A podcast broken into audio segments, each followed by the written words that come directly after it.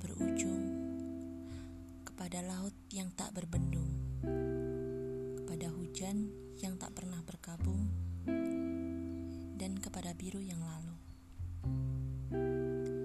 Semua pernah datang, menetap, bahkan menghilang, membawa pelajaran dengan caranya sendiri. Kepada rasa jauh tak berjarak, kepada rasa pilu tak berteriak, kepada kehaluan tak bertuan. Ya, semuanya tentang cara.